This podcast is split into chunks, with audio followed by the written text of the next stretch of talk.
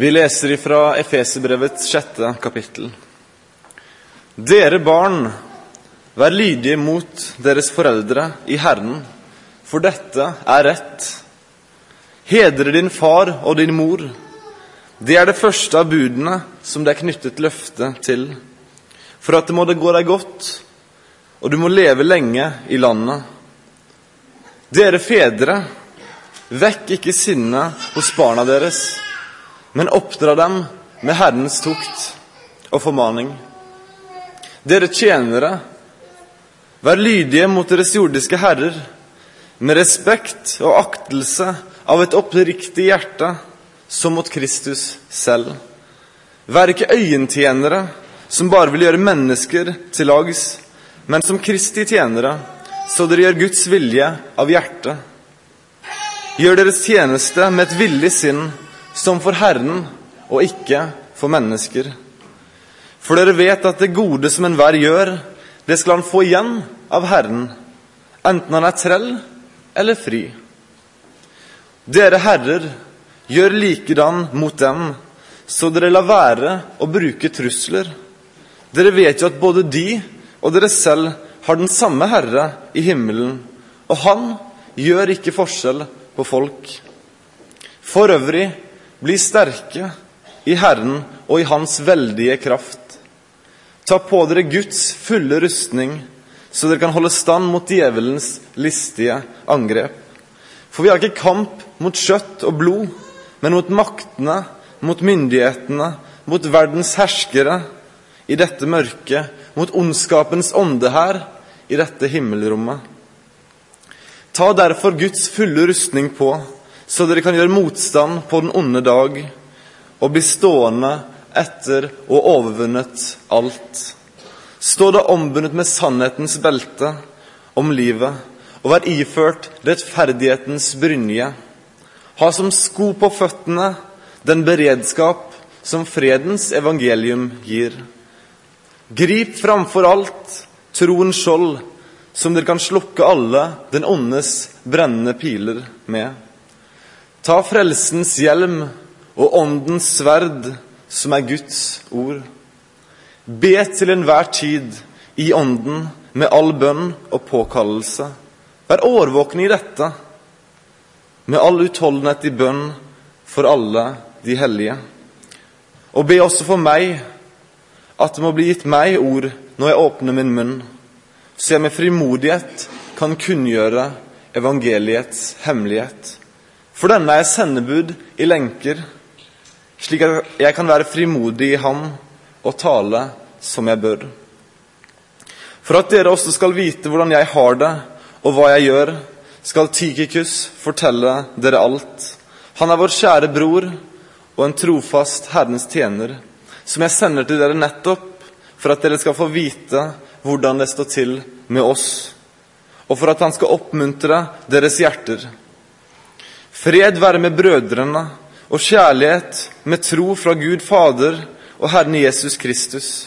Nåden være med alle dem som elsker Herren Jesus Kristus i forgjengelighet.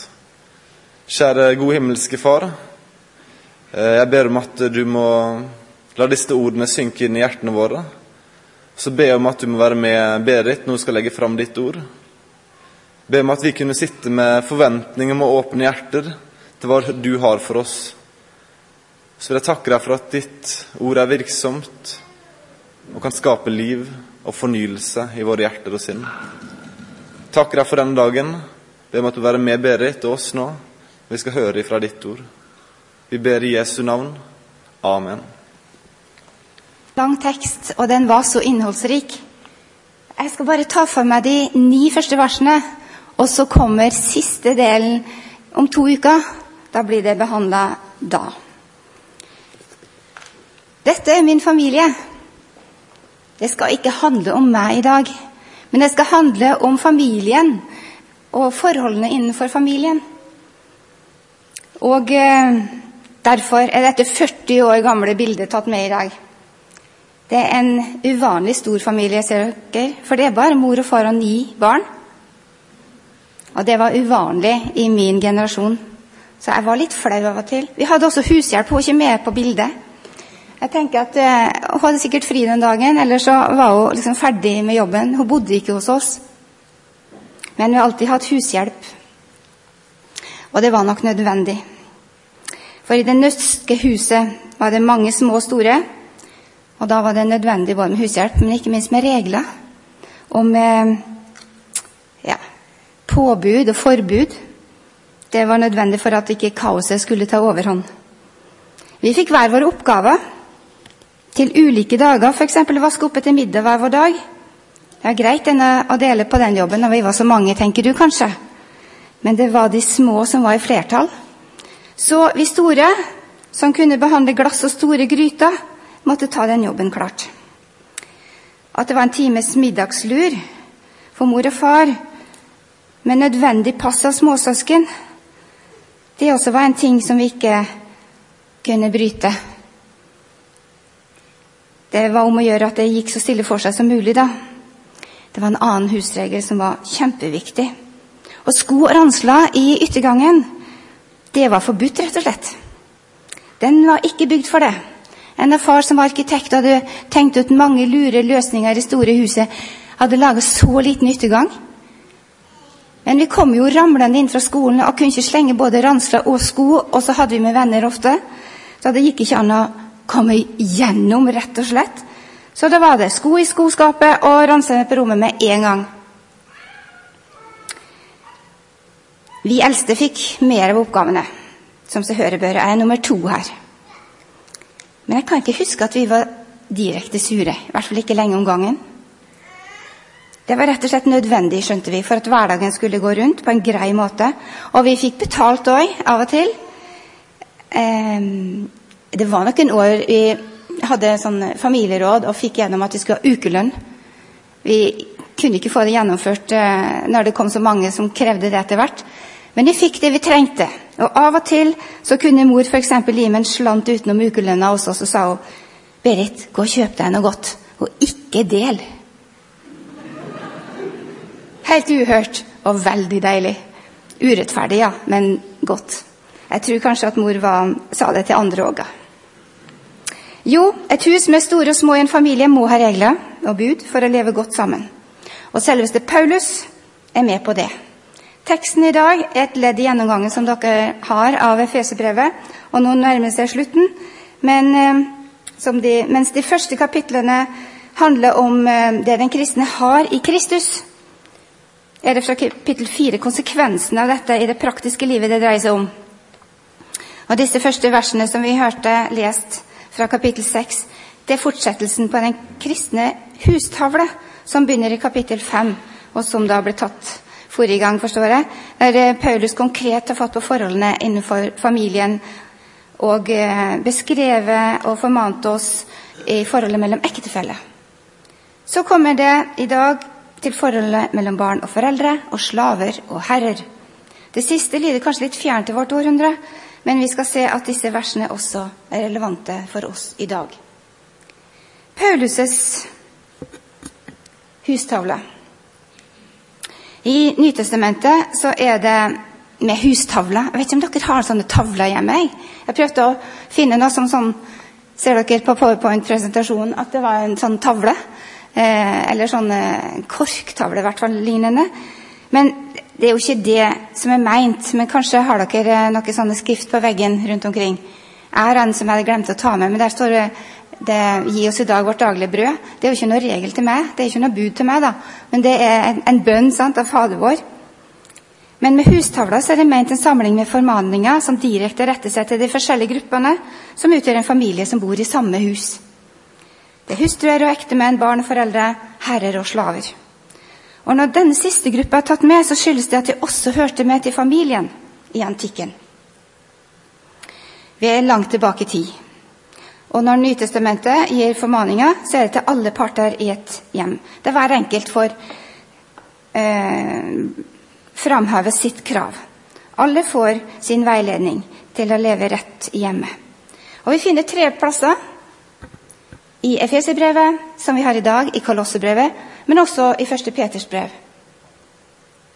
Det er veldig spesielt i Nytestamentets hustavle at det er sterkt preget av Kristusforholdet.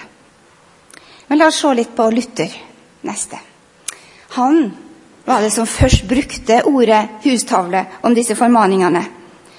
Eh, De står nemlig ikke i Nytestamentet, men vi sier det om det likevel. For det er på slutten av hans lille katekisme at han har sånn en hustavle.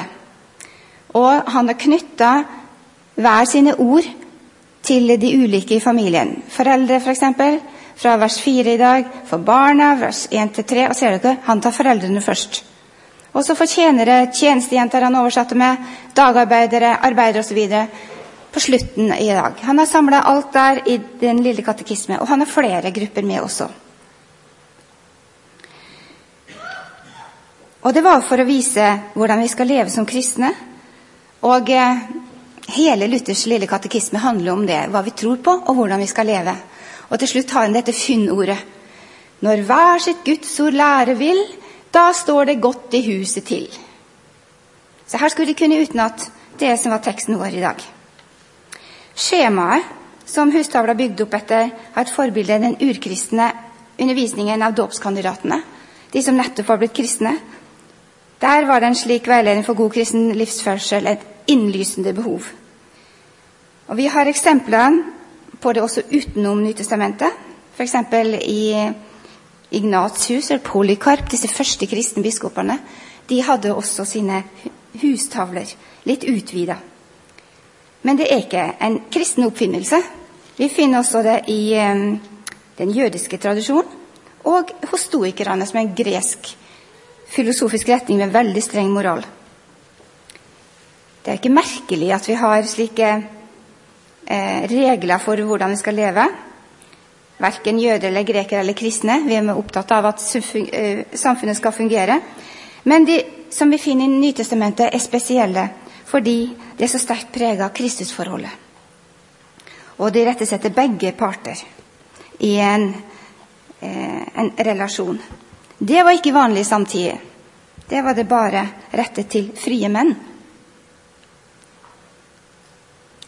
Så starter da Paulus, som vi leste, eh, med å si noe om eh, barna. Og da lurer veldig mange på kan han vite noe om det, hans godeste Paulus. Var han gift? Hadde han barn, da? Eh, vi vet kanskje ikke helt om han var gift, men vi har nok en hint i eh, Nytestamentet videre i 1. Korinterbrev 9,5. Det sier han har ikke også vi rett til å ha en kristen hustru med oss, slik som de andre apostlene og Herrens brødre og Kefas? Ok, Han snakker om seg og medarbeideren sin om å ha med en kristen hustru på reisene sine. Um, og så sier han noe også om at 'jeg er fri og ingen underlagt', litt videre ute i det samme kapitlet. Der ser det ikke ut som en er gift, nei. Men sølibatet var ikke noe sånn eh, noe de trakta etter i apostelflokken. De hadde faktisk eh, gifta seg. De hadde ikke bare Peter som hadde svigermor, de hadde nok det, de andre òg.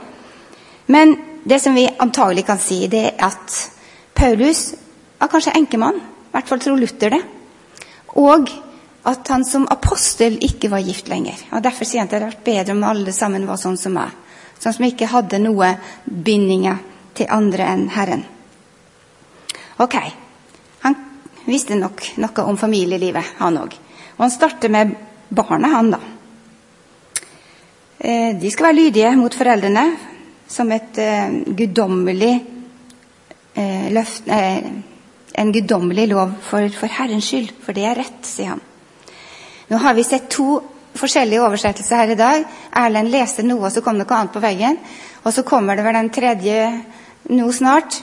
Eh, og I den nye utgaven av Nytestamentet fra Bibelselskapet så står det 'i Herren'. Lydighet i Herren. Og Det stemmer kanskje overens med resten av Efeserbrevet, så alt handler om i Kristus. Vi skal være også lydige i Kristus. Det er i hvert fall rett. Og Det er utgangspunktet i den kristne menigheten. Der skal foreldre være gode foreldre, og da skal det være greit å være barn der også. Og Paulus er veldig konkret i sine formaninger. Han treffer oss på våre svake punkter. Hvis vi leser til eh, Jeg leser kapittel 6, vers 4 om igjen, så sier han Dere fedre, vekk ikke sinne og trass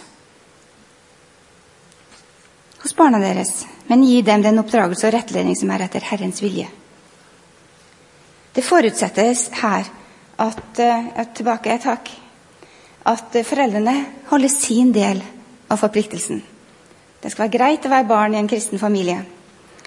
Og uh, jeg lurer på om ikke du vet òg hva som skaper sinne og trass i deg sjøl, sjøl om du er voksen. Jeg vet hva som skaper sinne og trass i meg. Vi er aldri liksom helt eh, det fraværende ved det.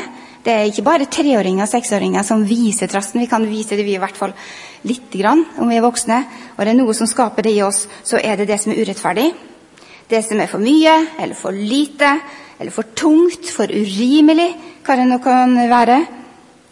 Jeg tror det at noen krever en lydighet, som er omtalt før her, dvs. Si å kreve respekt, ja, det er det som vekker sinne og trass. Eh, respekt kan ikke kreves, nemlig. Den kan bare fortjenes.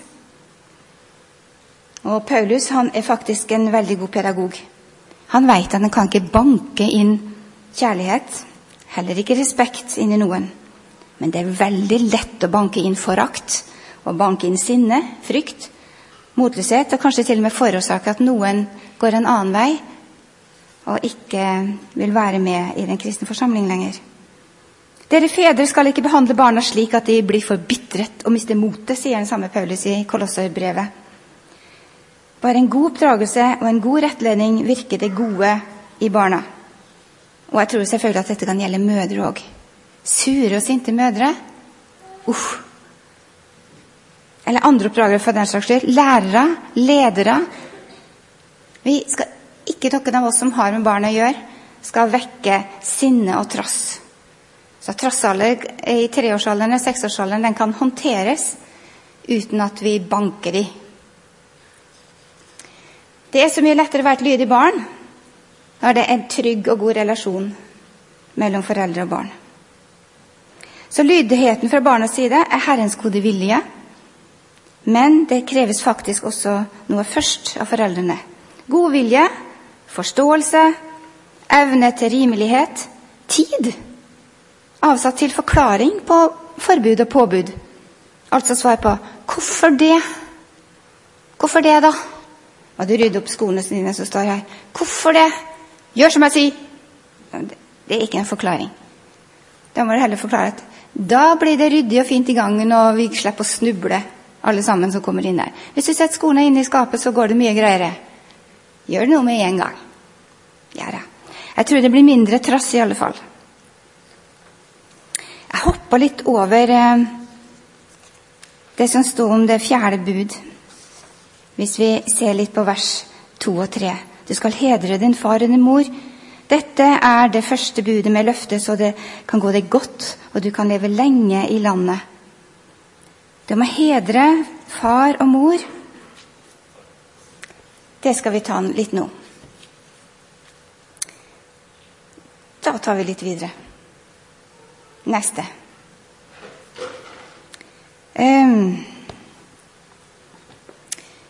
Jeg starter ikke her, men for jeg så det kom litt fort. Uh, jeg skal gå tilbake til det som sto i teksten. For dette budet tror jeg gjelder barn i alle aldre. Når vi kommer opp i tenåringsalderen, så sier jo vi ofte at det, det, handler om å herde foreldrene. Ikke sant? Ikke hedre, men herde. Det er bare å bytte om to bokstaver, så blir det riktig. Eh, det er det kanskje flere enn meg som har erfaring med. Vi prøver å herde foreldrene og prøve ut vår egen vilje. Og det skal vi jo. Men eh, når jeg sier at eh, jeg påstår at dette budet kanskje gjelder mest voksne barn, så er det en mening med det.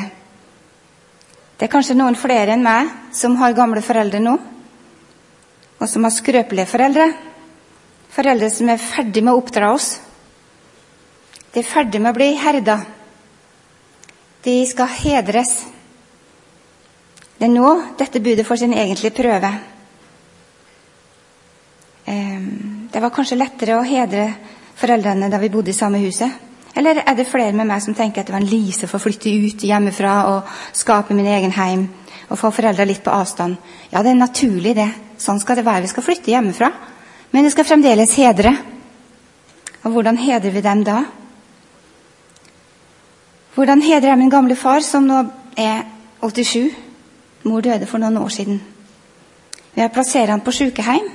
Akkurat nå er det spørsmålet aktuelt for oss søskene. Jeg husker den gangen jeg reiste hit sør. Og eh, jeg sa til mor og far at nå kan jeg ikke liksom hjelpe dere med ditten og datten. Så satte han seg ned og sa det er noen år siden. Nå skal du høre. Nå skal du leve ditt liv der sør, altså på Frekkhaug, der jeg bor. Og så lever mor og jeg våre liv her, og det skal jo ikke du ha dårlig samvittighet for. Lev nå ditt liv. Ok, gode ord for meg, og godt sagt den gangen. Og jeg har lurt på ofte om han mener det i dag òg, så skrøpelig som det står til. Men jeg har aldri hørt han kreve at jeg skal gjøre noe.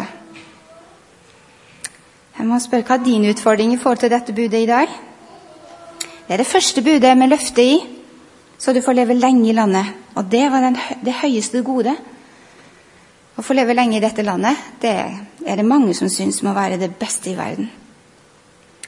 Jeg tror det fremdeles gir velsignelse å hedre mor og far, enten det er å besøke dem så ofte som du kan, og kanskje få ordna det slik at dine gamle foreldre har det så godt det går an, og ikke føler seg i hvert fall svikta av sine barn. Da betyr ikke hedre her å være lydig, som i den første delen, men det å ære og sette høyt. Bibelen bruker mange synonym for å uttrykke hva det ligger i hedre. Er å vise ærefrykt, å høre på og kjærlighet, for å nevne noen. Sammenfattende kan vi si det å vise heder er å sette noen høyt. Akte noe for verdifullt og som en rikdom fra Gud. Aldri å herde, altså. Men så er det en del av oss som ikke har hatt sine egne kjødelige foreldre som oppdragere, som de nærmeste foresatte. Og budet gjelder dem eh, da for de nærmeste foresatte, må vi si, om det ikke var i noe slekt. Det kan utvides til å gjelde flere foresatte, ikke bare foreldre heller. I alle fall så uttrykker Aksel Wall Senstad det slik i boka 'Troen og livet'. Nå skal jeg lese et lite avsnitt fra det boka. Neste. Budet angår derfor forholdet til alle våre foresatte, enten det er samfunnet eller i kirken, sier han. Det er tale om en skapelsesordning. Og Gud har innebygget virkningen av den ordningen i vår virkelighet, så mennesket får erfare den. Dersom dette budet vanæres og krenkes, fører det til kaos i hjem, samfunn og kirke. Det er frafallets kjennetegn. Dersom budet etterleves, fører det til alt godt i hjem, samfunn og kirke. Budets betydning og rekkevidde understrekes ved at det er det første av budene som har et løfte, så det kan gå deg godt, og du kan leve lenge i landet. Neste. Foreldrene, barnas stolthet. Se på den. Tygg litt på den. Vi snur det ofte på hodet. Sant? Kan dere si det? Foreldrene er min stolthet. Jeg husker en gang jeg var flau over foreldrene mine. Spesielt var jeg flau over å gå sammen med far i, i byen. Da jeg var sånn 12-13-14. Han kunne finne på å plystre på gata. Og så stoppa han og snakka med folk. Og så ville han presentere meg òg. Uff, jeg var så flau. Men det var jo den flaue perioden vi er når vi er tenåringer. er det ikke? Jeg kan huske jeg var kry òg. Spesielt av mor, for hun var så flink å synge. Da var jeg kry. Dette er min mor. Da var jeg veldig stolt. Andre hadde langt verre foreldre enn meg. Og som ikke var noe særlig kry av foreldrene sine. Men de hadde grunn til å være flau, tenkte jeg. Jeg vet ikke om de var det likevel. For foreldre de har ofte barns lojalitet veldig, veldig langt. Så kommer vi til eh, neste. Den rare for oss anakronistiske formaningen til slaver i husstanden, med krav om lydighet og respekt. Og det er påfallende, og noen syns det er veldig skuffende og rart at Paulus ikke oppildner til opprør mot det umenneskelige systemet med slaver. Vi finner ikke et opprør mot denne sosiale uretten i NT, verken hos Jesus eller Paulus eller noen annen av de andre apostlene. Hvorfor ikke det? Ja, det kan være flere grunner til det, men jeg skal peke på noe her. Slaveriet var kommet fra hedenskapet i antikken og var allment godtatt da kristendommen kom. Slavene hørte også med til husstanden. Det var ikke, var ikke akkurat sånn som med hushjelpa hjemme hos oss. Hun var jo lønna, men eh, hun hadde masse å gjøre, det vet jeg. Men det var helt naturlig da at forholdet mellom slave og herre behandles også husstavner, for de hørte med. Og når det behandles til slutt, så er det fordi de er i periferien av husstanden, i kjelleren, så å si. Og det kan jo ikke sammenlignes med de to foregående relasjonene, altså mellom mann og kone, og mellom foreldre og barn. Det er en helt annen relasjon. Men det var veldig utbredt i antikken med slaver, så han kunne gå ut ifra at dette brevet, som var mer å tenke som et rundskriv til alle menighetene, de ville treffe folk hjemme her. En har anslått et antall på ca. 60 millioner slaver på denne tida i Romerriket. Litt av et tall. Og en slaves kår kunne være så forskjellig. Ikke alle hadde like hardt. Men eh, karakteristisk for synet i den tida på en slave var det som Aristoteles kunne si. Han var fra 400-tallet før Kristus. En slave er et levende redskap på samme måte som et redskap er en sjelløs slave. På denne bakgrunn så er det underlig faktisk for antikkens folk at Paulus i sin hustavle direkte henvender seg til slavene. Det er veldig rart, men det betyr bare at de, er til stede. Og Paulus regner med dem som likeberettiget og ansvarlige medlemmer av menigheten. Det er menigheten han snakker om, ikke samfunnet utenfor. De ferske menighetene besto av folk fra alle lag av samfunnet og opplevde der at de hadde samme verdi for Gud. For hverandre var de brødre og søstre. Her var ikke jøder eller greker, slave eller fri, mann og kvinne, bare én i Kristus. Selv om de var slave og herre ellers. Kristendommens sannhet om menneskeverd og frihet som de opplevde i menigheten, sto altså i rake motsetningen til slaveriet som de opplevde i samfunnet utenfor. Neste. Det er slående altså hvor Kristussentrert disse formaningene er, som jeg sa innledningsvis. Forholdet til Kristus drar fram som det avgjørende i alle versene i, denne hustavla. Det er Kristus, det er i Han at slaver og herre er like. Vi misforstår altså Paulus om vi tror at han går inn for slaveriet. Eh, verken her eller andre steder hvor Paulus tar opp dette, så er det framstilt som en ordning som Gud står bak. Nei, den er menneskeskapt, denne ordningen. Men poenget i Paulus' undervisning er at så lenge denne ordningen består, skal en leve rett med den ved å følge de formaningene som han gir begge parter. Fordi det er Herren som lønner. Eh, nå er det Guds vilje som slaven gjør. Det betyr at det trivielle arbeidet, som kanskje var både skittent og ekkelt Nå kan det gjøres av hjertet, for det gjøres for uh, Kristus. Det er forunderlig, dette her. Han understreker det i vers 7. Gjør tjeneste med et villig sinn. Det er Herren og ikke mennesker dere tjener. Og i vers 8 og dere vet at Herren skal gi hver enkelt igjen for det gode han gjør, enten han er slave eller fri. Her oppmuntrer han slavene i deres ofte vanskelige arbeid ved å minne om at det er Herren som lønner dem, som tjener ham. Det er det barmhjertige vilkår som rår i Guds rike, enten han er slave eller fri. Svært så ulikt det som gjaldt ellers, der en slaves arbeid ble tatt som en selvfølgelig, og aldri fikk han lønn for det. En parallell til slaveholdet finner vi med keisermakta, som de første kristne også levde under. Heller ikke Der er det tale om guddommelig og dermed permanent ordning. Men både Paulus og Nytestamentet for øvrig formaner likevel de kristne til å leve rett innenfor denne politiske samfunnsordningen. Da er det annerledes med de to andre relasjonsforholdene i hustavla og de formaningene som knytter seg til mann, kone eller barn, foreldre. For de er guddommelige forordninger. Skaperordninger. De er noe blivende som ikke skal forsøkes avskaffet eller omformes etter tidens smak og få godt på finnet, Og dermed er de så aktuelle som det går an i dagens Norge. Mor, far, barn, det forholdet, det er det som er gudville. Alle andre former er det ikke. Slik har det gjenspeilet seg også i debatten før kirkevalget nå i høst, husker dere? Med de to ulike listene for bispedømmevalget også, som konkurrerte om oppmerksomheten. To tydelige forskjeller her på hva man antar, eller hva man går for, som riktige ordninger i familien. Neste. Nå vender Paulus seg til herrene, slaveeierne, eller arbeidsgiverne, som vi oversetter til i dag. Og Hans formaninger til relasjoner som sagt aldri gjensidige. Og han gir den samme formaningen som til slavene. Begge har forpliktelser.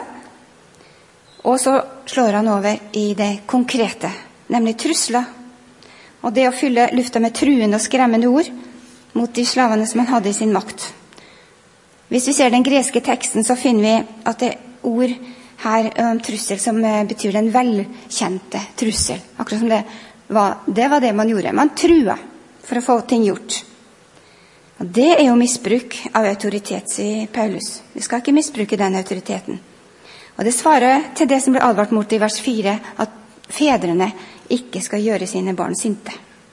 Fordi begge parter er tjenere hos den himmelske Herre, og han gjør heller ikke forskjell på folk. De har begge tjenestatus for den himmelske Herre. Begge skal avlegge regnskap for Han. Og vet du hva? Dette er tidlig likestilling. Det er helt uhørt i resten av den antikke verden. Her var kristendommen veldig radikal, selv om den ikke oppmuntra til opprør. At slaveriet er avskaffa, skjønt kanskje egentlig ikke i mange fasonger, så er ikke det minst grunn, eh, fordi at kristendommen har evne også til å influere på samfunnslivet. Eh, men det betyr ikke at Paulses ord her er foreldra. Det arbeidet som du har i yrkeslivet og i andre sammenhenger, ut, skal utføres som en tjeneste for Kristus. Det er en avgjørende del av en tjeneste for Han, det du gjør ute i samfunnet i din jobb, f.eks. Og om du er student, så har du kanskje verken en underordning eller overordning i, i, forhold til arbeidslivet, eller du har kanskje en deltidsjobb der du er en underordna, en arbeidstaker. Alt vi gjør, skal vi faktisk eh, gjøre som for Gud. Neste. Hele dette her greiene handler om oss òg. Ikke bare efesene som skulle hjelpes over et radikalt kristenliv i forhold til den hedenske verden de levde i ellers. Det er aktuelt, aktuelt for oss som barn. Alle er vi barn. Alle har vi foreldre, har hatt foreldre iallfall. Eller er foreldre. Det er aktuelt for oss som eh, arbeidstakere. Og noen av oss er arbeidsgivere òg. I denne verden så er det alltid misbruk av stilling og posisjon en truende mulighet. Eh, og dette vil i særlig grad skje der partene ikke ser sin jobb som eh, en del av Guds gave til oss. Jobb er gave og eh, oppgave. Og hvis vi ikke ser på det som eh, Gud står bak det, så kan vi havne i den dumme stillingen at vi misbruker den. Men hustavlen den binder alle parter i livets grunnleggende relasjoner til et ansvarlig liv for Guds ansikt. Paulus bruker uttrykk som, som for Herren og 'dere har samme Herre' for å begrunne det. Oppsummert så kan vi si at denne teksten taler til oss i våre individuelle, sosiale og livsnære relasjoner. Hver enkelt av oss, enten du er overordna eller underordna, så blir vi stilt til ansvar for Gud med vårt liv i disse relasjonene. Vi kalles til å spørre oss selv i dag er det lett å være min underordnede. Eller er det lett å være min sjef? Vi kalles altså til gjensidig, ydmyk tjeneste for Herren i alle livets grunnleggende relasjoner. Skal vi be. Kjære himmelske Herre. Takk for at vi får lov til å være barn, først og fremst. Være dine barn. Hjelp oss til å være kristne i hverdagen. I alle relasjonene vi står i. Som barn, foreldre, som lærere, som ledere, som arbeidsgivere, som arbeidstakere. Alt som du ser vi er i. Hjelp oss til å leve et kristent liv i alle relasjoner. Det er til ære og oss og alle til gavn. Amen.